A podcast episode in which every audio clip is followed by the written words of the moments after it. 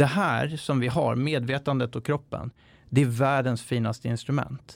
Men när vi hamnar i prestation, i spänning, i den här negativa stressen, då är det liksom om man tänker sig en Stradivarius som är en otroligt fin violin. Liksom. Och det är ju för att strängarna är spända och så finns det här trät i klanglådan som bildar den här fantastiska vibrationerna som gör att det blir en, en, en sagolik klang. Men eh, om du tänker att du tejpar den här Stradivariusen, för det blir ju spänningar i kroppen. Liksom. Vi, vi spänner oss, vi slutar andas, vi har inte markkontakt. Då kommer den här jävla fiolen låta som en träplanka. Liksom. Därför att vibrationerna går inte igenom om du häller brunsås i den eller om du tejpar den. Liksom. Och det är samma sak när vi hamnar i prestation, i negativ prestation. Liksom.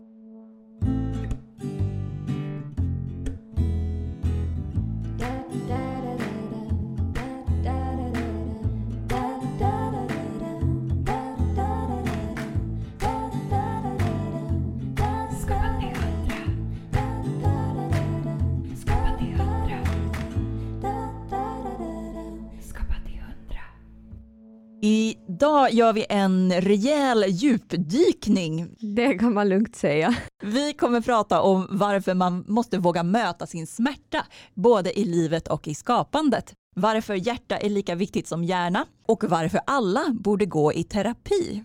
Du lyssnar på Skapa till hundra med mig, Frida Andersson. Och med mig, Maja Sönnerbo. Nu dyker vi. Nu dyker vi. Skapa till hundra för det var det så här, när jag lyssnade på, på podden, liksom, den första jag lyssnade var ju Moa Lignell där. Mm. Så blev jag så jävla glad, för då kände jag så här, för jag kan verkligen vara så här, men vad fan ska jag vara med? Ska jag prata om? Liksom, och så här. Eh, jag har fått massa så här, eh, frågor om att föreläsa i vissa sammanhang. Eller så här. Men det jag kände när jag lyssnade på er podd, liksom, mm. det var så jag bara, fan vad härligt, det är så bubblande och, och liksom humoristiskt och ändå allvar. Det var så här, allt, allt som jag känner är relevant. Så då kände jag verkligen så här, jag kände ju med dig Maja att så här, när det var din podd så kände jag, men det är klart jag ville vara med. Men sen kände jag så här, fan det är klart jag vill vara med. vad fint! Skitkul liksom. Andreas Rodenkirchen är en hyllad skådespelare, regissör och manusförfattare. Just nu är han aktuell med Tjechov-pjäsen Tre systrar och det nyskrivna dramat En gång var vi kubaner som ska bli både teaterföreställning och film. Dessutom är han psykoterapeut. Med gestaltterapi hjälper han människor att utvecklas, ofta på uppdrag av organisationer som till exempel polisen och eh, Försvarsmakten. Han är en väldigt mångfacetterad kreatör som gått sin egen väg. Alltid med människan, känslorna och kreativiteten i centrum. Välkommen till Skapa till hundra, Andreas. Tack, tack så jättemycket. Tack. Jag gillar särskilt det där med, med människan och, och känslan i fokus. Det är det. Mm, det är viktiga grejer. Mm, det är väldigt viktiga grejer. Mm. Men vi brukar alltid börja med någon sorts uh, kreativ incheckning. Skulle du kunna uppskatta din kreativitetsnivå just nu från typ 0 till 100? Jag skulle faktiskt säga att den är väldigt hög just nu. Jag skulle säga att den är 95. Wow. Mm. Va, mm. va, vill du utveckla? Vad är det? Nej men jag eh, är så jävla kreativ. Nej. det är därför du är det här. Bara, det bara sprudlar om mig. Det är bara det ena geniala efter det andra. Eh, nej men jag, jag känner att jag är väldigt mycket i ett flöde kreativt eh, just nu och på flera plan. Mm. och det kommer också av eh, en period där det var lite tuffare och där jag fick eh, stöta på lite smärta i, i livet och sådär. Eh, jag tänker att vi kan återkomma till det kanske. Mm. Men, men eh, det är ju så här att för mig så är det, eller för alla människor tänker jag, så är ju liksom vägen är genom smärtan. Inte runt den, för då börjar man konka på massa saker. Och då kan saker öppna sig. Jag, jag, om jag ska beskriva vad jag sysslar med inom allt jag pysslar med. För jag brukar säga så här, jag har en spetskompetens och runt det så har jag en jättebred inkompetens. Så det finns massa saker jag är skitdålig på. Det som jag ändå liksom, som, som jag känner så här, men det här är mitt område. Det brukar jag kalla för upplevelsebaserad medvetandehöjning. Det vill säga, jag vet hur man skapar kriterier för upplevelse för att det ska vara möjligt att uppleva. Och det har jag använt inom massa gebit då. Eh, liksom skådespeleri, regi, skrivande, psykoterapi, eh, liksom när jag jobbar med polisen som ni nämnde tidigare och även översättningar och så, så handlar det om liksom så här, när blir upplevelsen möjligt? Och liksom den här upplevelsen som inte Därför översättningar till exempel så kan, kan det som en gång levde bli som en så här platt död fisk på bordet. Liksom. För att man har översatt orden. Men man har inte kommit åt livsupplevelsen bakom orden. Liksom. Men det är ju superintressant. Jag tänker att det finns enormt många kreatörer som förhoppningsvis lyssnar på det här eh, som eh, letar efter den där upplevelsen. Mm. Alltså, vad, finns det något snabbt sätt att säga det här är nyckeln? Eller de här grejerna är de viktigaste? Mm. Det handlar om, om att komma till liksom kärnan av sig själv. Och då handlar det om att ta bort det som skymmer och inte ställa sig i vägen för sig själv. Och då handlar det om att inte vara rädd för att möta smärta och friktion och motstånd. För det finns alltid kreativa processer i min upplevelse. Ni får säga om ni har en annan upplevelse om det bara är så här easy sailing, smooth Skitlätt, sailing. hela ja. tiden. och, och, och jag tänker så här, den här friktionen, det är liksom en, en eh, den ingår. Liksom. Det är där vi expanderar, det är där vi liksom så här. Men inte så här självpåtagen smärta. Jag, jag tycker inte alls om den här bilden av den lidande konstnären. Liksom, så här, att det ska vara någon som bara, det är så svårt att hjälpa. Så här. Ja, men det är ju fan svårt för att du sitter på Frippes och dricker öl varenda kväll. Liksom. och för att du har jättekonstiga relationer till alla människor runt omkring dig. Det, det är det svåra. Liksom. Det är inte för att du konst, det har inte med din konst att göra. Liksom. Och jag menar inte att det ska vara så händerna på täcket, men jag, men jag menar liksom att livet har liksom nog av sin egen smärta innehållandes. Det var till och med så här, när jag började själv jobba i psykoterapi och sånt där och när jag började fördjupa mig och utbilda mig så här, då var det några av mina kollegor som sa, ja men eh, så här, skådespelarkollegor som bara, är du inte rädd att du ska förlora den här svärtan eller att du ska förlora den här edgen som du har eller något sånt där. Då sa jag, jag är inte skiträdd att förlora liksom. De trodde nog att jag skulle lobotomeras eller något sånt där. Att du skulle bli ljuset själv liksom ja, ja. för att du det, hittar det, svaret på allt. Ja, ja. Så, utan då sa jag liksom redan då, jag tror att det här kommer nog bara göra att det jag pysslar med blir mer relevant på en djupare nivå. Och ju djupare och mer personligt det blir, desto mer universellt blir det. Ju mer man vågar ställa de frågorna som finns i det inre, då börjar man liksom nysta i en trådända. Så jobbar jag också, både när jag jobbar med skådespelare och jobbar i psykoterapi, man hittar en trådända i nuet liksom. Och så börjar man nysta där. Och så följer man den neråt. Liksom. Och sen, om man inte håller på och bråkar med sig själv och hittar liksom utlopp. Det ingår ju också att jag har sammanhang där jag kan utöva min kreativitet. Mm. Eh, och det gör att jag kan liksom kanalisera det här. Och en eh, väldigt eh, intressant sak med det här, det är just det här att vara i förbindelse med sitt genius. Grekerna kallade det demon eller något sånt eh, och sen kallade romarna det genius. Därför att man mhm. ansåg att det fanns liksom någon slags andar som man var i kontakt med, eller att man hade sin egen ande som man måste sätta sig i förbindelse med. Och då kanaliserade man, man blev ett instrument för den här kraften, den här inspirationen som kom.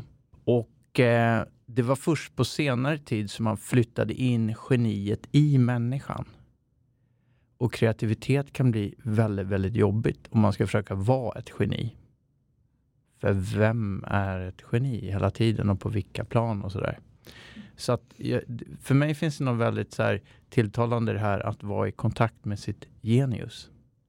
Och sen är ju nästa fråga, hur kommer man i kontakt med det? Exakt, Exakt. Hur, gör, här, hur gör du rent ja. Eh, konkret, tänker jag direkt. Mm.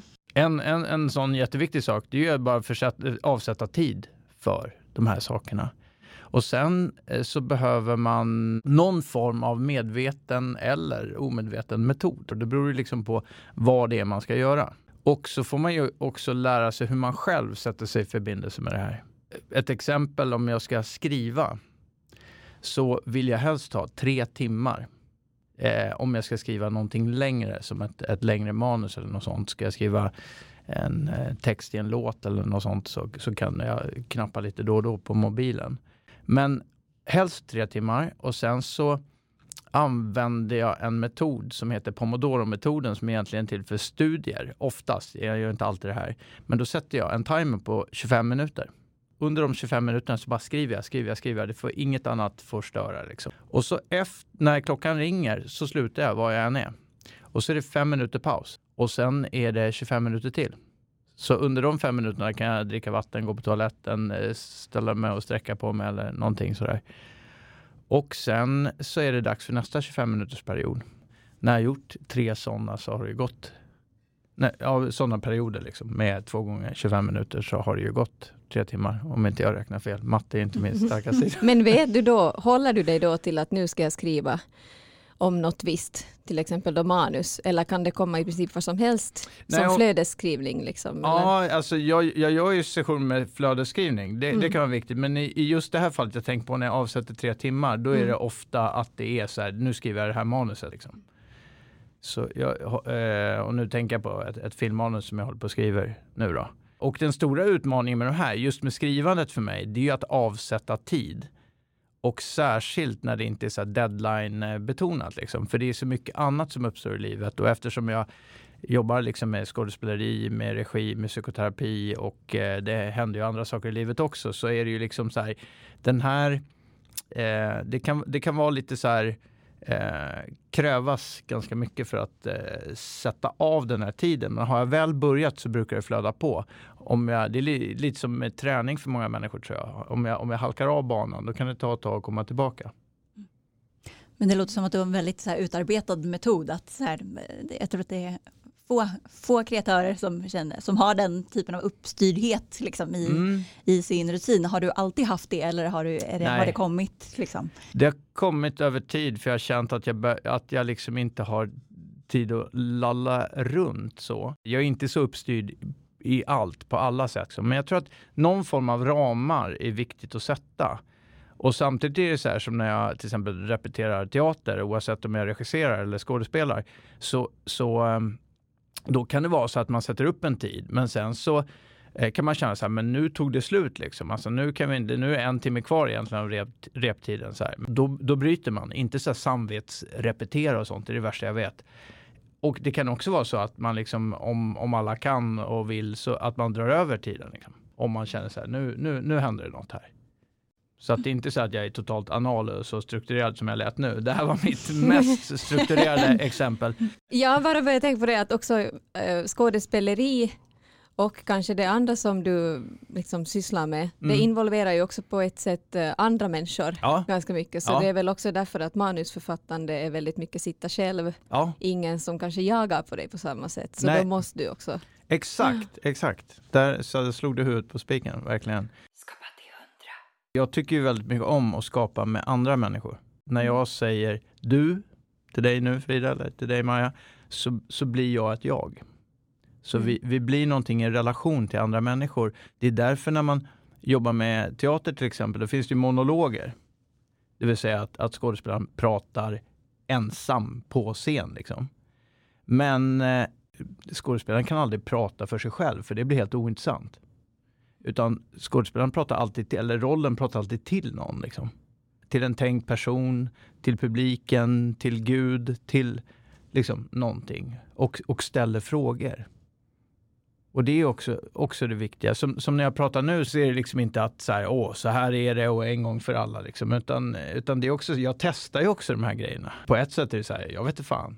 Alltså, Kolla hur vi reagerar. exakt, jag bara, jag bara riff, fan säger han? riffar.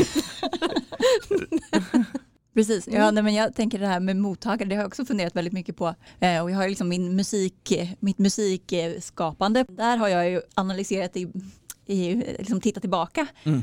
Och inser att så här, jag har verkligen så här stötvis beteende, att jag inte riktigt kommer i mål. Mm. Vilket jag gör med väldigt många andra saker i mitt liv och har Mm. liksom tittat på, så, men vad handlar det om? Och jag tror att det handlar väldigt mycket om att jag inte har en tydlig mottagare. Mm. Och, att det, och då finns inte liksom motivationen, alltså så kul är det inte. Det är kul Mm. för att man får inspiration då och då och då börjar man på någonting Mm. men jag slutför det inte för det, det ska ingenstans. Ja, men det ringer väldigt sant till mig därför att eh, jag, jag tror att all form av skapande är på något sätt kommunikativt. Det finns en riktning i vårt skapande. Jag brukar Eh, när jag jobbar med skådespelare så brukar jag alltid prata om grundning som är så enkelt som att känna fötterna mot marken liksom, och känna att man har, har kontakt. Andning, för det är det som liksom skapar ett slags flöde i kroppen. Och riktning. Att man pratar med den andra personen och ställer frågor. Det är väldigt lätt om man hamnar i intellektet att man pratar för sig själv. Liksom. Eller att man redovisar redan färdiga åsikter. Och en eh, fantastisk regissör som jag har haft ynnesten att jobba mycket med, Björn Melander då, som är, ja, han är nog det bästa vi har. Han säger alltid, han har fantastiska, mycket bra sägningar, men han, han säger så här att Ja, men om, du ska, om du ska redovisa en åsikt med, liksom, eh, på scenen med din föreställning, med det du säger. Liksom. Men skriv en pamflett och dela ut till publiken så slipper man se skiten. Liksom. eh, här, och jag menar inte att man inte, får, eh, att man inte kan ha en, en, en, liksom en vinkel, en ingång. Men jag tror så här, oavsett om man ska spela om någonting som är eh, liksom så här, ett, ett ämne eller någonting politiskt man brinner för så för mig i alla fall så är det så att det blir först intressant när personerna som gör det verkligen vågar ställa frågor och liksom öppna upp sina egna fördomar, sina egna eh, liksom antaganden och pröva dem. Och då blir det så här att då blir det en process varje kväll eh, när jag är skådespelare, varje föreställning så är det liksom om jag ställer frågor, om jag verkligen är där och gör det, närvarande i mig själv i kontakt med den andra personen liksom, som jag talar till, då kommer liksom intuitiva insikter. Men de är färskvara. Så att jag kan inte hålla fast vid dem nästa kväll, för då kommer de på ett nytt djup. Och när den här processen funkar så fördjupas det hela tiden. Så du får olika insikter varje ja, ja. gång? Liksom. Annars skulle det vara hemskt att spela samma föreställning många gånger. Mm. Utan det är ju liksom en, en så här, för mig är det så här att om det inte skulle fortsätta ske, då är det dags att sluta spela föreställningar. Min grund när jag började när jag var ung liksom och, och äh, närmade mig det här med skådespeleri och sånt, det, det var ju liksom humor. Men det var ofta humor som innehöll någonting som var på riktigt. Och jag älskar när äh, till exempel en pjäs har en blandning av humor och allvar. Som äh, till exempel Guds djärvaste ängel som är en pjäs som har betytt jättemycket för mig som Magnus Mankan Nilsson har skrivit. Och den var så fantastisk på många sätt för den väjde aldrig för det smärtsamma och det var ett fantastiskt möte mellan två personer. Den handlar om diktarna Elmer Diktonius och Edith Södergran när vi mejlade till dig. Vi, du är lite svårresearchad upptäckte ja, vi ja. På, på, internet.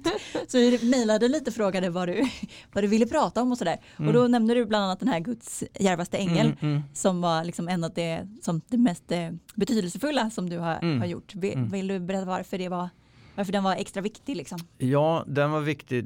Dels i liksom grunden till att det, det, är en helt fantastisk pjäs. Jag tror att vi hade premiär 2005 första gången. Jag tror att sista gången jag spelade den var 2016. Okay. Mm eh, och grejen var också att jag, eh, eh nu kommer jag bli lite emotionell och det är för att jag spelade mot en helt fantastisk skådespelerska som heter Camilla Nyberg. Hon blev sedermera min fru och förutom att hon var en väldigt, väldigt fin människa så var hon en helt fantastisk skådespelerska. Och i den här pjäsen så var hon Edith Södergran och jag var Elmer Diktonius. Och så hade vi också en musiker, Olof Miskel, som skrev musiken och spelade med oss. Och vi började med den här, då började vi liksom på egen hand. Från början så var det meningen att vi skulle ha en regissör som fick borrelia. Så att han kunde inte vara med så mycket. Så att vi jobbade väldigt, väldigt mycket själva. Det var liksom på vinst och förlust på något sätt. För vi hade liksom inte haft provpublik, vi hade inte haft någonting. Och då var det så här, eh, antingen så går det här hem eller så kommer folk bara tänka, vad fan gör ni? Ni är inte kloka liksom. Sen kom folk och det blev en sån här wow-grej. Sen så kom Svenska Dagbladet dit och skrev en helt fantastisk eh, recension. Och det gjorde liksom att folk kom. Så blev det här en riksteaterproduktion. Och då liksom angående Camilla då, så spelade vi den här då under, under massa år tillsammans. Det var som att den växte, växte, växte hela tiden. Det var ett universum som var helt fantastiskt att gå in i. Och sen 2019 så, så fick Camilla tillbaks en eh, bröstcancer som hon hade haft 13 år tidigare och den här gången i levern. Och eh, hon, hon dog, det gick ganska snabbt så hon dog. Eh, och därav så är det emotionellt för mig. Det är inte därför pjäsen är så fantastisk. Men eh, på Camillas begravning i Katarina kyrka med 450 pers kom därför att Camilla var en fantastisk människa som berörde många människor. Liksom.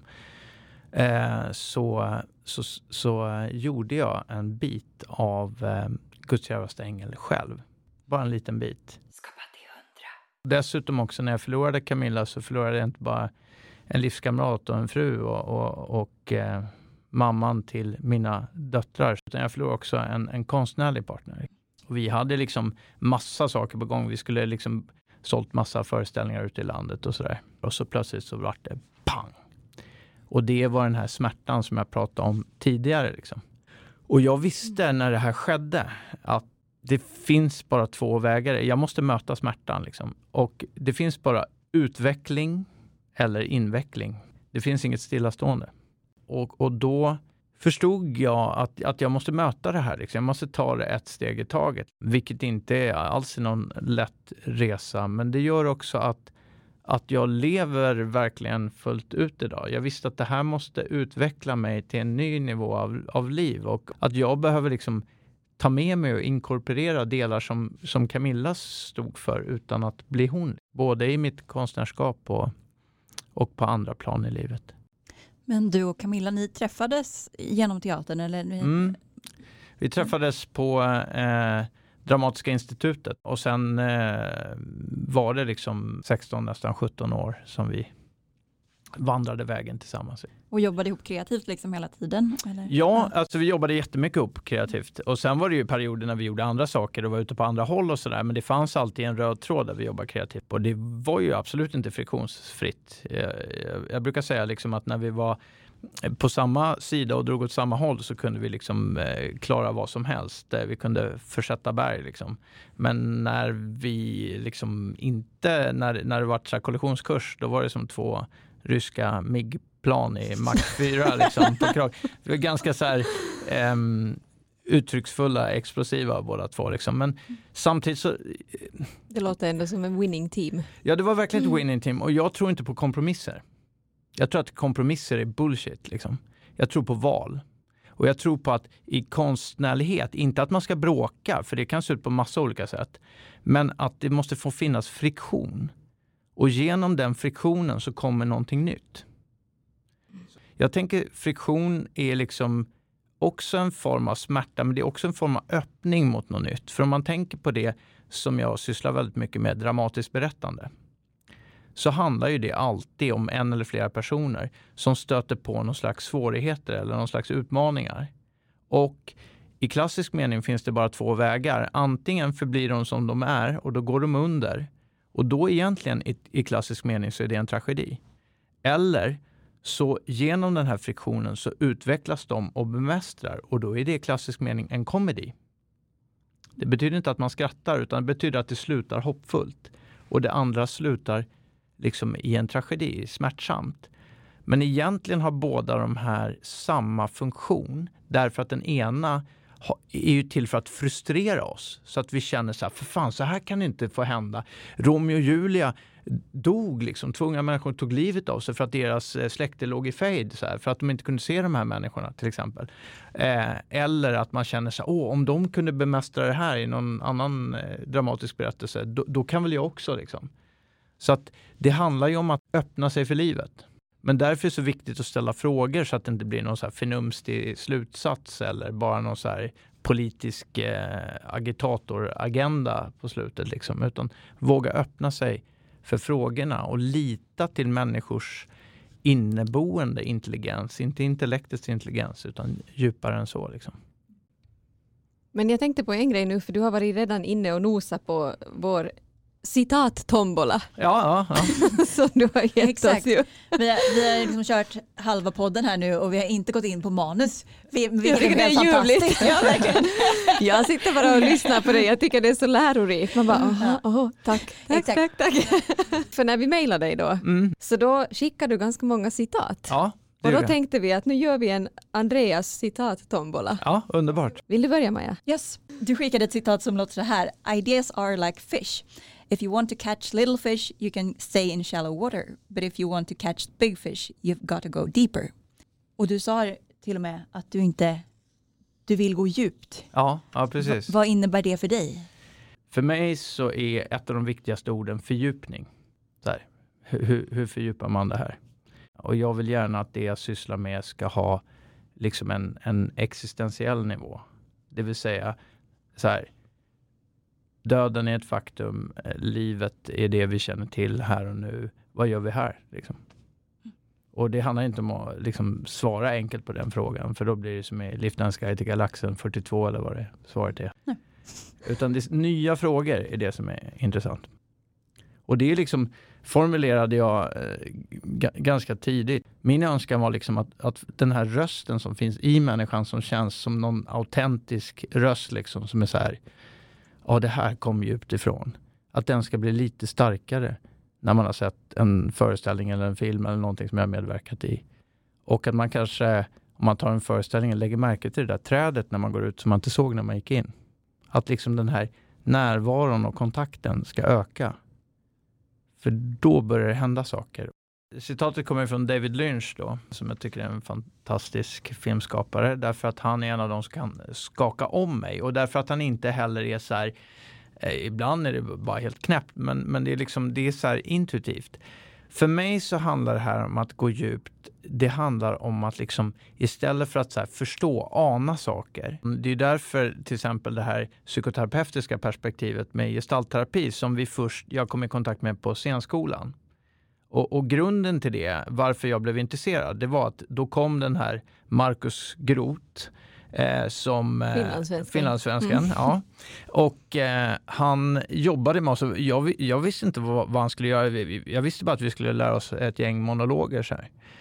Och eh, nu ska du få säga så inte jag härmar det här på ett dåligt sätt. Och så ska du, eh, och så ska du, fråga, ska du säga till mig så här. Har du lust att pröva på en sak? Har du lust att ta din text? Säg det till mig. Okej, har du lust att pröva på en sak? Har du lust att ta din text? Ja, ja visst. Eh, eh, och så frågar du, vad känner du just nu? Vad känner du just nu? Eh, eh, jag vet inte. Fråga, vad känner du i kroppen? Vad känner du i kroppen?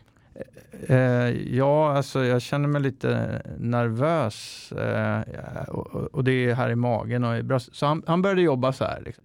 Det var liksom bara någon slags process. Så känner du fotsulorna och så här. Och, och aha, du är nervös. Är, är du rädd? Vad är du mest rädd för? Och så där. Liksom, ja, det är att, det, att eh, det ska bli tråkigt, liksom enformigt så här. Och så säger du igen så här, har du lust att pröva på en sak? Har du lust att pröva på en sak? Har du lust att göra det ännu lite tråkigare? Har du lust att göra det ännu lite tråkigare? Och då liksom sker någon slags befrielse, då börjar ju folk skratta liksom och så här. Och så, och så sa han så här, "Ja, och om det händer något annat så, så följer du med det liksom. Och jag förstår ju nu att det han gjorde, det var ju att sätt, grunda oss, sätta oss i, i kontakt med oss, eh, närvarande i oss själva. Och så skulle vi liksom titta på de andra, verkligen nå de andra med texten i det här liksom. Och plötsligt, det här var ju så här Tjechov och Strindberg och Bergman och alla möjliga sådana texter. Så här. Och när jag hörde mina, mina klasskamrater på scenskolan göra det här, då så kände jag så här, det kan inte vara någon annan människa än just den här personen som har upplevt det här. Det här är ju helt på riktigt liksom. Och där och då tänkte jag så här, jag vet inte vad han gör, men vad han än gör så ska jag kunna det här. Liksom. Det här ska jag lära mig. Till slut så gick jag samma utbildning som, som Marcus hade gjort. Och det, det var fantastiskt, för då öppnas, som Tranströmer säger, så här, valv på valv. Liksom. Och plötsligt kommer det upp saker som, som så här, fan det här visste jag knappt fanns, eller vad, vad är det som händer? Liksom? Den här terapeutiska resan har ju varit en resa att komma till kärnan och ta bort det som skymmer. För, för skådespeleri är liksom inte ett bag of tricks, utan det är att komma till den autentiska kärnan och, och, liksom, och, och låta saker börja leva. Det är då det händer. David Lynch pratar ju specifikt här om transcendental meditation. Så att när jag läste hans bok Catching the Big Fish, som det här citatet kom från, så var det vis, sista, liksom, eh, sista droppen som fick bägaren att rinna över som gjorde att jag lärde mig transcendental meditation. Jag hade testat annan meditation innan. Så här. När man mediterar över tid så, så, så kan man ta med sig det här meditativa, eh, lite grovt uttryckt, kan man ta med sig det upp i vakenhet. Och då får man liksom kontakt med eh, det som är mer intuitivt, det som är mer kännande och sådana saker. Inte bara så skapa, för när jag pratar om det här att eh, liksom så här, sätta klockan på 25 minuter och sånt där, så är det bara ramarna. Det andra är liksom flödet och hur man kommer i kontakt med sitt genius. David Lynch säger så här, följ din vision och när saker uppstår, följ det också. Liksom. Mm. Världshistoriens längsta svar på citatet. Men, Ja, eh, ja, men det. alltså, Ja, mycket intressant. eller eller inte svar ens, utan nya frågor. Precis, men är du medveten i att du, går på, att du vill gå på djupet varje gång du skapar? Liksom? Absolut. Eh, men men eh, det, det måste inte vara så här bara, åh nu ska jag gå på djupet så här. Utan det- det som är allting, liksom, det är en verktygslåda. Och ibland sandpapprar man och ibland liksom använder man ett stämjärn eller en motorsåg. Liksom. Så att Mm. jag, jag har liksom sökt, där liksom psykoterapin är en del i det här. Jag har sökt så här, hur kommer man själv och hur eh, får man andra människor när jag jobbar med dem att komma utanför sin comfort zone? Så att man inte stannar i det här och står i vägen för sig själv. Med konstruktiva metoder. För jag har sett det ske med destruktiva metoder. Och eh, det brukar inte bli så bra i längden, det kan bli bra på kort sikt. Liksom. Plus att jag anser att liksom, det här handlar ju om att sätta människor i förbindelse med sitt liv. Det handlar om att liksom, någon, någon grundläggande form av, av, av liksom, kärlek, tillit och humanism. Så, här. Eh, så då kan man inte ha fascistoida repetitionsmetoder och liksom, eh, så här, det, det, motverkar ju sitt syfte och det blir alltid destruktivitet i det. Liksom. Eh, så därför sökte jag så här, hur kan man verkligen på riktigt så att det inte blir så här om det ska vara bra och fint att det blir lite så här mysigt och nu fikar vi och nu rullar vi runt i filtar här bara. Ta Liksom, så lite fika nu, vi Ja. har här. Ja, underbart. Kexchoklad. Men jag brukar säga att det, det, i skådespeleriet, en av de bästa grejerna med skådespeleri, det är att jag får möjlighet att reinkarneras under mitt eget liv. Jag får alltså Mm. byta perspektiv, jag får gå in i någon annans, liksom, med mig själv såklart, med mitt eget instrument. Men jag får leva liv som jag inte hade levt annars. Eftersom, som jag har sagt flera gånger, så handlar det om att skapa liv. Liksom. Mm. Och det gör ju att jag kommer tillbaka och har med mig någonting mer. Och jag brukar alltid säga till eh, mina skådespelare när jag regisserar att det är inte bara ni som får en roll eller söker en roll, utan rollen söker också er, för den har saker att förmedla. Och ständigt nya saker. Liksom. Fint. Mm. Du skrev ett citat om det, fiction buil- builds empathy. Ja, exakt. Mm. Att, att du också känner att du blir förändrad själv liksom, Mm. av att ha besökt någon annan. Ja. Och det här är ju ett citat av eh, Neil Gaiman, eh, den fantastiska författaren. Så eh, han, han säger ju det att, att fiktion har ett otroligt värde. För när vi liksom, eh, i det här citatet så, så pratar han ju om skrivande och han säger, han säger så här, eh, skapa en värld, befolka den, gå in i ett annat perspektiv, lev i den här världen och när du kommer tillbaka så kommer du bära erfarenheter med dig som, som liksom vidgar din empati, din förståelse och dina perspektiv. Och precis så upplever jag det varje gång jag får jobba med dramatiskt berättande, liksom i en roll eller även när jag jobbar som regissör. Eller när jag skriver för all del också. Liksom, för att jag får liksom gå in och, och, och leva och, och känna utifrån det här perspektivet. Så, så det, och därför är det så viktigt att inte att det inte är intellektet som styr att man kommer med svar, för det blir ju liksom bara på ytan, det blir bara färdigtuggat liksom. Men utan att man vågar ställa frågorna och leva sig igenom det här, då öppnas saker. Liksom. Då anar vi saker och det är mycket större än att förstå. Ja, jag, du har återkommit till det flera gånger. Mm. Eh, Jag tänker just det här med att, man, att det finns något som är mer intelligent än intellektet. Mm. Du är min terapeut Ja. kan vi ju säga för, för for the record. Och du, jag vet att du har sagt till mig angående gestaltterapi som jag tänker Mm. vi ska prata lite mer så här hands-on vad det är för någonting. Mm. Men du har sagt att en del i den me- metoden är att vi vet så mycket mer som vi inte vet i intellektet. Alltså att man Ja. inte kan gå in så här, ja men det här minns jag, det sades då och då. Utan Ja. att om man vågar, vågar gå mer på känslan eller på Ja. impulsen så kommer man åt helt andra saker. Som kanske också gör, som är det här med att gå på djupet. Och, nu, jag- och nu när du har outat, för jag Ja. får inte det för jag har tystnadsplikt, att du är min klient, tycker du att det stämmer? Är Ja, det men absolut. upplevelse? Absolut. Jag kommer ju från en, från en eh, intellektuell kultur, eller vad man ska säga. Inte Mm. intellektuell som i högtravande, utan som i en resonerande. Båda mina föräldrar är väldigt resonerande Mm. och det är jag också. Och jag tycker att det är superkul med så här modeller och så här logiska grejer. Men Där är man vi får ju- motsats. Ja. Men, och det är därför vi är så härliga tillsammans. Ja, exakt. Nej men, och, nej men så att man kommer ju åt andra sanningar på något sätt. Så Dels Mm. inte att de är motsatta på något sätt utan Nej, att de nej. är kompletterande. Vissa grejer kan du inte tänka ut utan Nej. du måste känna, uppleva det på något sätt bara. Och, och jag vill verkligen säga att jag är ingen motståndare till intellekt. Jag använder mitt intellekt väldigt mycket själv. Eh, eh, så att, eh, och jag kan också gilla så här modeller och så här. Så att när, när, jag, när jag jobbar både med, med liksom, eh, regi eller liksom, eh, med psykoterapi när jag är terapeut så förklarar jag och ritar kartor och sådana saker så att man ska kunna hänga upp sin upplevelse på en slags eh, förståelse över terrängen. Liksom.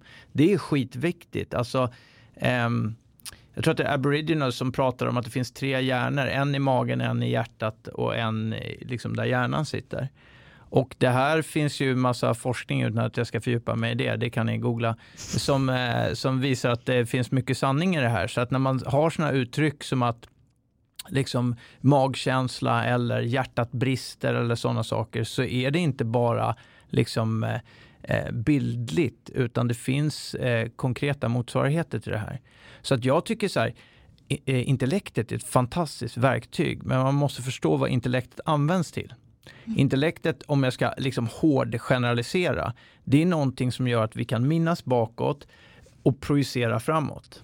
Att vi kan liksom eh, skapa prognoser framåt och vi kan sortera upp saker och eh, särskilja saker och en viss form av liksom så här, kalkyler och sådana saker men, men på en ganska rudimentär nivå för annars eh, om vi ska syssla med mer avancerade saker så måste vi gå djupare än så.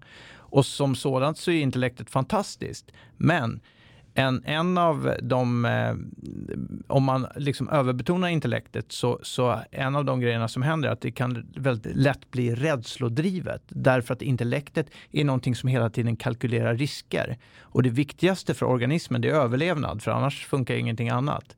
Men det är en jävla skillnad på att överleva och att leva. Den här vänster hjärnhalva betoningen som vi har i, i de flesta samhällen, inte minst det västerländska samhället, eh, som man kan säga lite grovt så här.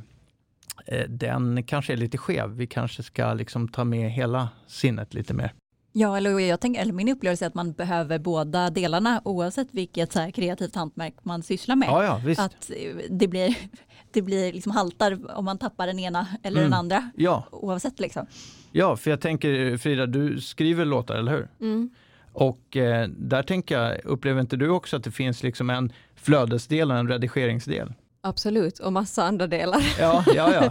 ja, jo men så är det ju verkligen. Tänker du på Och förtvivlan? jag tänker på, shit jag tycker jag har fått bara så mycket tips på att, ja men det som du sa där i början på att jag borde börja avsätta tid mer Mm, också. mm, Eh, Det är jag inte så bra på. Men jo, jag tycker det där flödesskrivning det är ju jätteviktigt och Mm. för då kommer det ju fram grejer som man Mm. kanske inte intellektuellt tänker att det här Mm. ska jag skriva om. Mm. Men det är kanske något man jobbar med ja. inom sig ändå som Ja. kommer ut. Men ja, och sen redigering, Mm. absolut Ja, ja. väldigt mycket innan man tycker att nu är det klart. Ja, och det blir ju en väldigt liksom sorterande intellektuell grej där man verkligen har eh, nytta av ett, liksom ett vass knivskarpt intellekt liksom, som kan Mm. mejsla ut de här sakerna. Så jag brukar se skapandet i olika steg. Flöde, eh, redigering brukar se det som en tratt liksom, där man tar ut ett destillat och sen utifrån det destillatet så flödar man igen. Och sen är det dags för tratten igen. Liksom. Och det här kan se ut på massa olika sätt. Men sen tänker jag en annan grej när man ska avsätta tid och sådär. Det finns en bok som heter 10 tankar om tid. Där pratar de om någonting som är ställtid. Det vill säga den tiden det tog, liksom, till exempel förr man ska ut i skogen och, och hugga träd. Liksom, så måste man förbereda, man går upp, man måste eh, på vintern så ska man liksom sätta släden efter hästen, man ordnar verktygen och såna här grejer. Så att många uppgifter har liksom en naturlig ställtid. Men i, i skapande kreativt arbete och sånt där så, så är det ju den här tiden när saker grottar runt inuti en. Liksom. Jag upplever det här väldigt påtagligt när jag börjar fundera på någonting. Liksom. Det är så, bara som att vi diskuterar den här podden. Alltså, nu när jag är här, då är det flöde. Jag, har inget, jag vet inte vad jag har sagt, jag kanske kommer att ångra allting. Liksom. Det var fel. Men, för jag skiter, eller jag skiter inte i det, men alltså jag skiter, jag skiter i... Skiter i det här. Jag, jag skiter i det. här. Nej, men jag, jag, jag, liksom, jag, jag fokuserar på er nu och, och jag har ett samtal med er. Liksom. Det är det som är det fina och, och liksom ställer frågor kring det här. Jag sitter inte och analyserar och har så här själviakttagelsens ande och tänker så här, vad, vad säger jag nu? Men att skapa en rutin innan man gör något. Ja, men också Mm. att också acceptera det här att saker ibland när man går och liksom städar hemma istället för att sätta sig och skriva Mm. så kan det vara en flykt men det kan också vara en del i den här processen. Men det att- där håller jag med om. Mm. För det där vet jag någon gång, jag har liksom bokat en, en studio Mm. Med en producent Mm. och så här, och så har jag inte ännu ens skrivit låten. mm. Och då vet jag min man kunde säga, men vad håller du på med liksom, det är så om tre dagar och du har inte ännu skrivit låten. Och då kan jag just så här, typ gå och städa, du vet, så här, Ja, göra ja, saker som, och jag ja. bara, tyst, jag, jag skriver den nu. typ. och det är ju verkligen så, det förstår jag, att det, inte, det går nästan aldrig om jag ska sätta mig ner Nej, och så här, nu ska jag skriva en låt, nej, den ska vara klar imorgon. nej. Då blir det ju blackout. Ja. Jag, jag skickade Så. ju till dig när vi kommunicerade om, om Mm. tider och så här, så skickade jag en så här, Panic. eh, precis, eh, vad heter de, Kalle och Hobbe, Calvin and Hobbes. Ja. Eh, liksom där eh, Hobbe som är den här tyg, tigern som lever för Kalle frågar honom så här, har du inte börjat med, jag kommer inte ihåg, han ska skriva något, din uppgift än, så här, någon skoluppgift. Han bara, nej jag väntar på den rätta inspirationen, liksom, den rätta stämningen. Man kan inte bara tvingas fram skapandet, så bara, vad är den rätta situationen? Liksom, vad är det rätta tillståndet? Då säger han last minute panic. Liksom.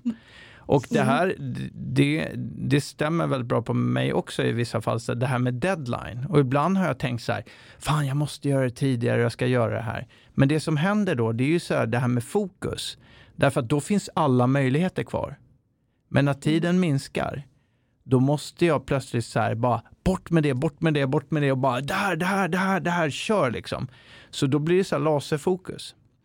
Så att väldigt mycket, särskilt i skrivande för mig, så går det ut på så här, hur skapar jag laserfokus? Och de här som jag berättade i början med de här 25 minuterna och så, det är ett annat sätt att göra det utan att det måste finnas en deadline. Får jag ta mina fri, fri Ja, kör! min favorit? För då får jag fråga vad fan som helst. Ja, underbart. Blev du terapeut efter att du märkte att alla skådisar är så trasiga? Nej, jag blev det för eh, jag bara upplevde en total autenticitet och närvaro och kontakt från mina scenskolekamrater. Och jag kände så här, wow, det här är ju någonting eftersträvansvärt i konsten och sedermera i livet. Så det var liksom en resa till att jag blev terapeut när jag kände, när jag gick utbildningen för konstnärliga skäl så kände jag så här, men vad fan, det här hänger ju ihop med det som jag tror är mitt kall i livet. Liksom. Nå, lär du dig själv någonting av dina terapisessioner med klienter? Varje gång. Händer det att de hamnar i ett manus förklädda i... Ja, eh, på sätt och vis. Men, men jag är väldigt, alltså integriteten och, och tystnadsplikten är ju Ja, enormt viktig. Men, men, men det rör ju vid teman. Jag har aldrig liksom använt en klient rakt av. Men däremot liksom så kan det vara ehm, tematik som, som, för jag tar ju med mig det in i, i, i konstnärskapet. Vad, vad är din konstigaste vana? Åh, Nu kommer vi lite off. Min konstigaste vana det är att vara uppe jättesent på natten och sitta jättelänge och kolla på olika hårdrocksvideos, gärna så här 70-tals och upptäcka så här, fan finns den här konserten inspelad? Och bara, här är ju Ian Gill, åh, eh, Robert Plant, åh. Det kan jag snöa in på hur länge som helst. Du sitter och nördar på småtimmarna. Jag nördar på småtimmarna och eh, jag har också en vana i det här att sömndepravera mig själv. Det är en del av att skapa det här fokuset. Det kan liksom, precis som det här med tidsbrist, så liksom tar det bort allt lull. Men det finns en enorm baksida och det är att vissa praktikaliteter i livet blir nästan oöverstigliga när man då har använt sin kraft för att göra det här kreativa. Liksom. Nu finns ju mycket populariserad sömnforskning. Han bla bla Walker har ju skrivit någon bok som heter Sömngåtan. När jag läste första kapitlet där så tänkte jag så här, när det stod om vad som händer när man inte sover. Jag tänkte jag dör imorgon. Liksom. Okej, sista, sista frågan då här. Ja. Är du spirituell? Och hjälper det dig i så fall i ditt liv som kreatör? ja, ja, ja. Mm. Vill du utveckla? vad ska man säga? Jag, jag tror att eh, tillvaron i sin grund är eh, kreativ. Allt jag ser runt mig tyder på det. Saker växer eller dör. Saker vecklar ut sig. Evolutionen vecklar ut sig. Liksom. Och andlighet är ju inte någonting som bara finns där ute, där borta. Utan om det finns en kreativ kraft så genomsyrar den ju er just nu. Och jag jag tänker ju att det är det vi uttrycker när vi är skapande människor. Skapa till hundra liksom. Så jag ser det som att oavsett vad det är, när jag skapar någonting, på tal om det här att, att vara ett geni eller att liksom vara i kontakt med sitt genius, så kanaliserar jag någonting större än mig själv. Vi brukar ju prata en del om eh, den inre kritikern här i podden och jag tänker att eh, hur viktig tycker du att den är, eller att det är att ha en dialog med sig själv mellan varven när man skapar? När man hamnar i de här jobbiga lägena och liksom får eh, skapa kramp eller tycka att man är dålig eller sånt där. Att, att jag kan säga till mig själv, älskade Andreas, jag ser att det är svårt för dig just nu. Hur kan jag hjälpa dig? Det är någonting helt annat än att säga, vad fan håller du på med? Det är inte klokt. Du, fan, du kan ju inte det här. Liksom, så här. Det kommer ju komma ändå. Liksom. Men så fort man, man blir medveten, för det handlar om medvetenhet, så här, att tänka så här, okej. Okay. Och det där ska jag ta till mig i alla Mm. fall. För jag är väldigt bra på att kunna vara hård mot mig själv. Ja, Jag vet inte, det kanske är väldigt vanligt. ja, jag är väldigt att man, hård också. det lät ju som en, för man ska ju prata till sig själv som sin, man skulle prata sin, till sin bästa vän. Ja. Men det lyckas man ju, i alla fall jag, sällan med. Mm. Och, och där, det är ju liksom... Eller det beror på om det är stressade lägen. Det beror Mm. på lite vad det är för situationer. Absolut, och i, i stress så händer Mm. massa saker. Jag ska inte gå in på det, så här, vad som händer kemiskt och fysiologiskt, men det är liksom ett helt annat system. Så att jag räknar med två tillstånd. Det ena är rädsla lika med stress. Det är som två sidor på ett mynt. Det andra sidan av myntet, det är kärlek lika med tillit. Och kärleken måste börja med kärleken och accepterandet av sitt eget varande. Skapande och kreativitet, det är liksom i grunden lustfyllt. Det är i grunden eh, utifrån kärlek. Liksom, utifrån, det är därför det är kreativitet. Liksom. Det växer, det öppnar. Så här. Sen är ju, finns det ju delar som, det ingår ju att möta smärtan. Liksom. Men att göra det på ett kärleksfullt sätt, det är inte så här att sitta i gräset med blommor i håret och liksom sjunga. Det är inte det jag menar med kärlek. Så. En gång när jag, hade, när jag jobbade med polisen så, här, så drog jag den här psykologiska modellen så visade jag det här myntet med kärlek och rädsla, två sidor. Liksom. Och så var det en eh, polis, han var jävligt missnöjd när han kom. Det, var, det fanns ingen parkeringsplats och han hade blivit ditkommenderad och han var lite sen och det var så här skitjobbigt. Och så, när jag pratade om det här så räckte han upp handen och så bara, ja, eh, så bara måste det heta kärlek? Liksom? Är det, så här, och då tänkte jag till faktiskt, för jag tänkte det, jag, det kanske, jag kanske ska komma. Så, så sa jag så här, ja det, det måste det faktiskt. Det, det heter det, liksom. det, det måste nog heta det. Jag, jag har inget bättre. Liksom. Så här, och sen så jobbade vi under flera dagar och sen så fick alla då säga vad de tog med sig därifrån. Och då var det en helt annan kille som satt på den där stolen som inte var förbittrad som första dagen. Och så, eh, så när det var hans tur så sa han så alltså jag tar med mig det här med kärleksmyntet. Det, det var ju fantastiskt. Men jag, jag tror, jag vill minnas Mm. att när jag någon gång nämnde podden för dig Mm. så var du så här supersnabb på så här. Ja, ja, men, eh, men det är ju för att det här och det här måste funka för annars så kommer det inte bli kreativt. Och jag tror att det var den här modellen du refererade till, jag minns Ja, inte riktigt. Ja, ja. Eh, och Myntet. att, att kärleksmyntet måste Ja. vara vänt framåt. ja, Ja. och det här var också det som, som Björn Melander sa den första gången jag träffade honom på scenskolan. Så sa han bland annat så här, det här som vi har, medvetandet och kroppen, det är världens finaste instrument.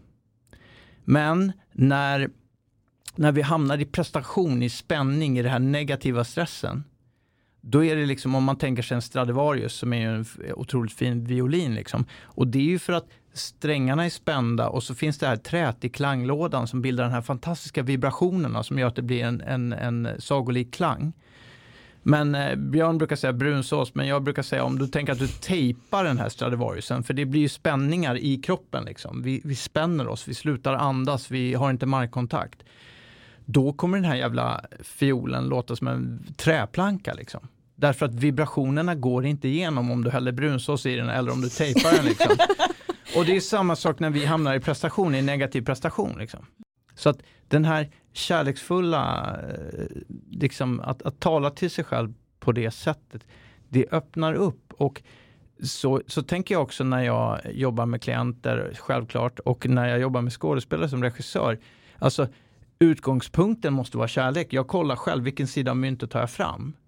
Och, och då kan jag också konfrontera personen och stötta personen. Och det jag konfronterar, det är inte liksom personens kärna, utan det är personens försvar, det som ställer sig i vägen, mönster som gör att personen flyr och undviker. Det konfronterar jag för att hjälpa personen. Men hur kan man hjälpa en klient att vända liksom kärlekssidan till? Just genom de här två Mm. sakerna, genom att stötta Mm. och konfrontera. Sen är det också så att så som jag jobbar så, så funkar det inte att bara sitta och prata, prata om saker. Utan man måste till upplevelsen och upplevelsen ska finnas så måste det fysiska, alltså kroppen och känslorna måste komma med. Och det kan man liksom inte Eh, första regeln i skådespeleri, liksom, som många regissörer verkar ha glömt. Men det är så här, du kan inte spela känslor. Därför att om det ska vara autentiskt så kan du inte spela känslor. Utan du måste bygga förutsättningar och det är ditt jobb som regissör, det är mitt jobb när jag regisserar.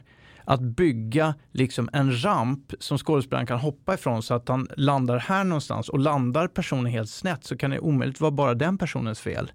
Utan det är vårt samarbete. Liksom. Så, så det handlar inte om att prestera känslor eller liksom så här, utan det handlar om att följa det naturliga flödet. Och när jag är regissör eller, eller terapeut, då ser jag mig själv som en barnmorska. Därför att det som finns i den här personen ska utvecklas och födas fram. I skådespeleri då, i, i, i möte med texten, i, i psykoterapi, i möte med det som är relevant i nuet. Och det kan vara historiskt, vi kan vara tillbaka när personen i fyra år, om det påverkar nuet. Liksom. Och då måste det mötas.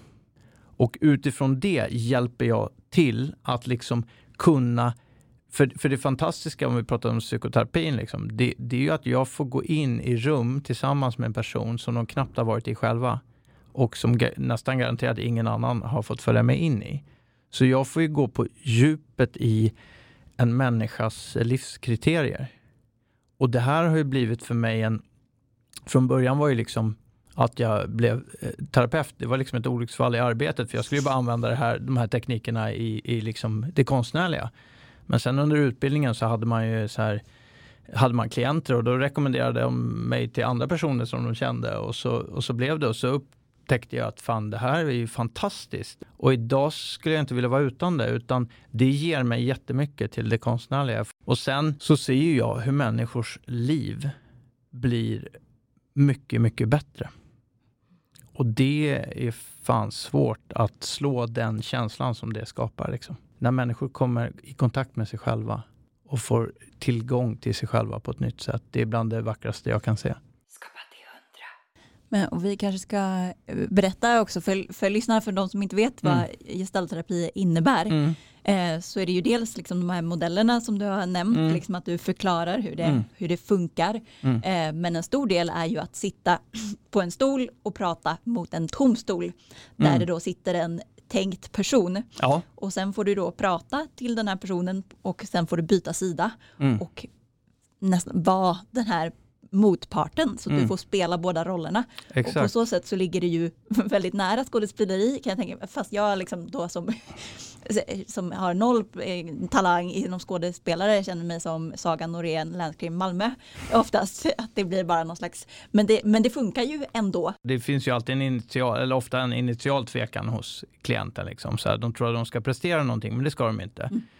Utan det handlar ju om att ta ut, alltså alla personer som har gjort eh, intryck på oss, positivt, negativt, allting så här. De har gjort ett avtryck i oss. Vi bär de här personerna inom oss. Det här avtrycket uttrycker vi.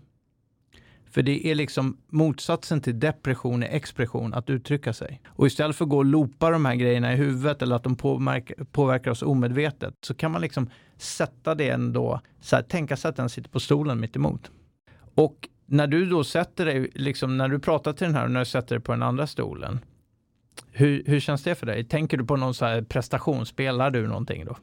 Nej, nej gud nej. Men och det är väl just det här att man kommer åt eh, sanningar som man inte visste att man visste. Mm, Eller att man kommer i kontakt med känslorna hellre än, än intellektet. För det du beskriver Maja, det är ju liksom att, att gå in i upplevelsen. Och att gå in i upplevelsen med en person som finns där och kan stödja och ta emot och bevittna, det är läkande. Att gråta själv på sin kammare till exempel, det lättar för stunden, men det läker inte. Vi behöver en annan människa Allt verkligt liv i möte, återigen.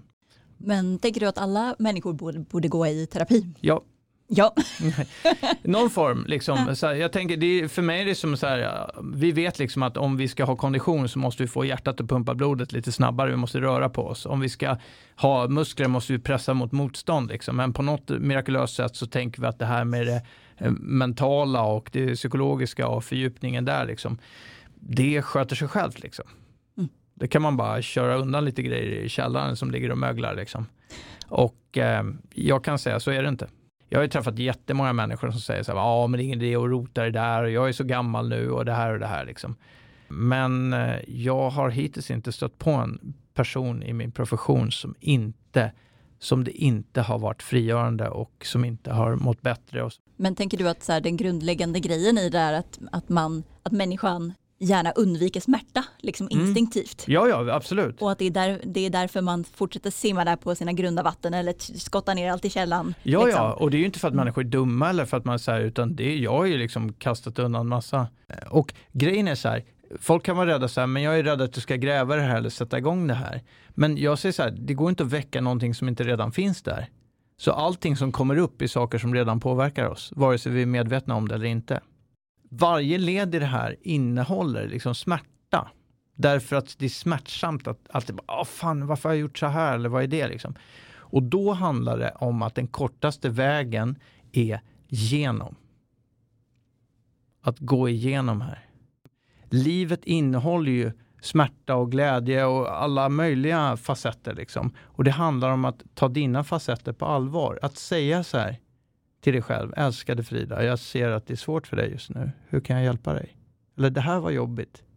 Det här var jobbigt för dig Frida. Att liksom bara acceptera det. Då öppnas någonting. Då kommer den här sårbarheten. Mm. Och Det gäller sen, att gå in med öppet sinne ja, för allting. och sen så kan man till det, liksom, för det handlar inte om att stanna kvar där och bli ett offer. Liksom, det är inte det, liksom, utan det är den här sårbarheten, där, skärningspunkten mellan sårbarhet och styrka, det är där det händer. Och eh, så då kan man liksom lägga ihop det här, sisu och liksom sårbarhet. sisu och sårbarhet, hör ni det Finland? Det är där, det är där ni ska vara. det, Det är där det bryter. Det är där det händer. Du har ju snuddat vid att det var liksom Camillas död som, gjorde, som var en stor kris för dig. Mm. Så jag funderar på, vad har hänt med dig som, som kreatör efter det? Jag tänker mig att det måste varit en stor process. Mm. Um, en sak jag, liksom, en insikt som kommer av det, det är ju så här, jag hade ju inte tänkt att hon skulle dö, så jag tänkte att vi skulle ha massa eh, år ihop. Och det som är det här existentiella perspektivet, det är ju att när något sånt händer, när hon då dör, så blir de, det blir bara sand som faller till marken. Så här, vi har vår stund här på jorden och vad ska vi göra av den? Liksom, det blir relevant för mig. Och så blir det också så här, ja, vad, vad, vad är meningen med att köra med handbromsen i liksom? om vi ändå ska dö. Jag skrev ett, en låt om det till mitt rockband som heter Addicted to Fear. En del av refrängen är så här, you got nothing to lose cause we're all gonna die. Det är så viktigt perspektiv för att genom den här smärtan liksom och genom att inte, jag menar första känslan när något sånt här händer det är ju liksom, eh, nu dör jag också. Liksom. Sen inser jag så här, men jag är så gammal är jag inte än. Så att, och jag har liv kvar, vad ska jag göra med det liksom? För att det som jag gör konstnärligt, det som jag gör terapeutiskt, det som går ihop liksom, det är viktigt på riktigt. Därför att det handlar om någonting på riktigt. Och då blir ju saker relevanta. Och när saker blir relevanta, då upphör rumstiden liksom. Och då blir också så att arbetet, skapandet blir en belöning i sig. Jag bestämde mig faktiskt tidigt i livet för att så här, jag ska göra saker som jag älskar. Och för att jag gör dem med hela mitt hjärta så kommer människor vara villiga att, liksom, att betala för det eller liksom vilja det. Eh, istället för att jag ska så här, ge av min tid till något företag eller någon organisation eller någon teater eller vad det nu är. Så här, de får min tid och så betalar de skadestånd för den tiden som eh, de har tagit och då ska jag använda de här pengarna när jag har min fritid för att göra andra saker så att jag glömmer det här hemska som jag var med om på jobbet. Liksom. Så att eh, det livet vill inte ville jag inte och vill jag fortfarande inte leva och det här blir bara ännu starkare efter det här. Vad händer härnäst i ditt liv? Det som händer härnäst och just nu i mitt liv, det är så här, just nu håller jag och Rolf Kristiansson, skådespelare, fantastisk skådespelare, och eh, Björn Melander, regissören jag har pratat mycket om. Eh, vi håller på med en pjäs som heter En gång var vi kubaner. Som Eskil Lundgren har skrivit, en, eh, en journalist och dramatiker som är så jävla bra. Så jävla bra. Det är liksom, jag tänker Strindberg och, och Norén när jag hör hans grejer. Så den här, det här är en, en helt fantastisk pjäs som, som handlar om eh, två män som blir inlåsta i ett grovsoprum. Och det handlar om en liksom, uppgörelse med manlighet, med gränslöshet, med så här. Men han skriver på det här fantastiska sättet så det är inte så här, och nu kommer vi med de här pekpinnarna och moralkakorna, utan det är liksom så här, det öppnar upp massa saker. Och opera, Opera, precis. Och det är precis i preparationsstadiet. för du ska regissera alltså en Ja, operaföreställning. precis. Den heter Miss Doningtons Maggot. Och, och så håller jag på att skriva ett, eh, ett filmmanus också. Det ska jag kanske inte avslöja så mycket om för att det är liksom inte skyddat än. Men eh, jag kan avslöja att den kombinerar två stycken väldigt viktiga element i mitt liv. Det ena är det här dramatiska mellanmänskliga och det andra är skidåkning, utförsåkning. Och eh, titeln på filmen är Snöblind. Men vad kul att du har många järn i elden. Mm. Och eh, du var på kreati- kreativitetsnivå, vad sa du, över 90 Ja, när du kom. ja. Vad känner du nu att du är när du åker hem? 90, 97, 98, det, bara, det håller på att gå i taket, jag vet inte, jag spricker liksom. Det känns verkligen så för mig, på, på tal om det här med kreativitet, att jag har många års projekt i mig liksom. Utan det handlar om liksom tid och möjlighet och också det här coronaläget. Vi har ju också, jag har också en föreställning, Tre systrar som har spelat här i Stockholm som jag har regisserat som ju ligger på is nu. Jag hoppas och tror att den kommer upp igen. Så att det är ju det här, pan, i det här pandemiska läget liksom. Så. Men det finns ju också, som kreativitet är, att möta det så finns det massa möjligheter i det här också. Amen to that. Amen, exakt. Vi har tre, tre sista frågorna Frida. Vi Tre glömt till och sekunder med kvar, tre, jag tre sekunder kvar. Tre timmar kvar.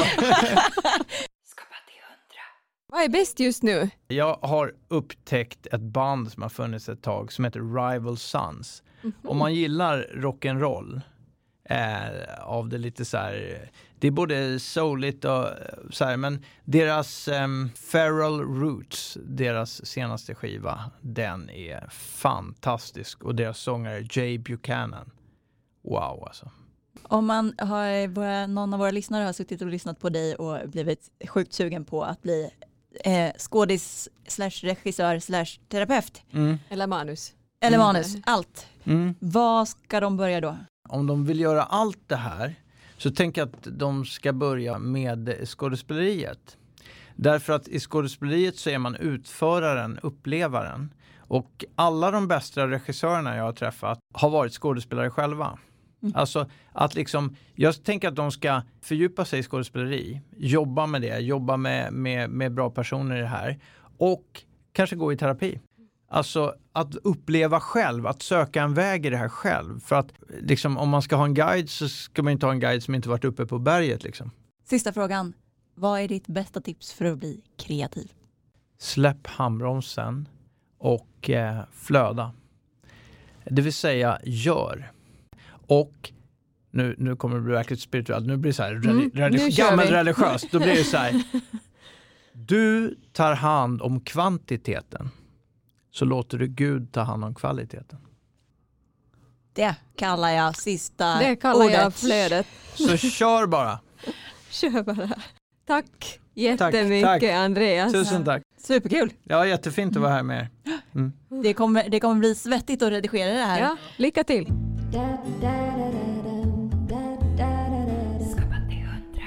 Jättegivande snack. Ja, I verkligen. alla fall för mig. Hoppas också för er som har lyssnat. Ja, men jag tycker mycket av, av, av eh, det som Andreas pratar om, det liksom ligger kvar och eh, marineras i, i hjärnan på något sätt.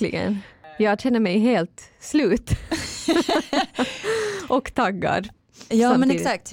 Vi får, det ska bli spännande att se hur det landar hos eh, våra lyssnare. Mm. Nästa avsnitt är ju, vi, vi hoppar lite från, från gäst till gäst om man säger så. Vi ska få Sissela Kyle hit. Ja, eh, det ska bli så kul. Alltså, Älskar Sissela. Ja, vem älskar inte Sissela? Exakt. Eh, ja, nej, men hon är ju bara ett geni måste man ju ändå säga. Eh, tycker hon är så verkligen. cool och eh, kompetent och allt. Och Jag- jag har ju börjat smyg-researcha henne redan. Och hon har gjort så otroligt mycket så man vet liksom inte riktigt i vilken ända man ska börja. Ja, nej, men hon är ju också så cool att hon har både liksom komiken och eh, så här, eh, drama. Mm. Och, ja, men hon har också en sån tyngd i både i sig själv som person och i när hon gör roller tycker jag. Ni vill inte missa nästa avsnitt, det är jag säker på. Vi ses då. Hej då! Hej! da da da da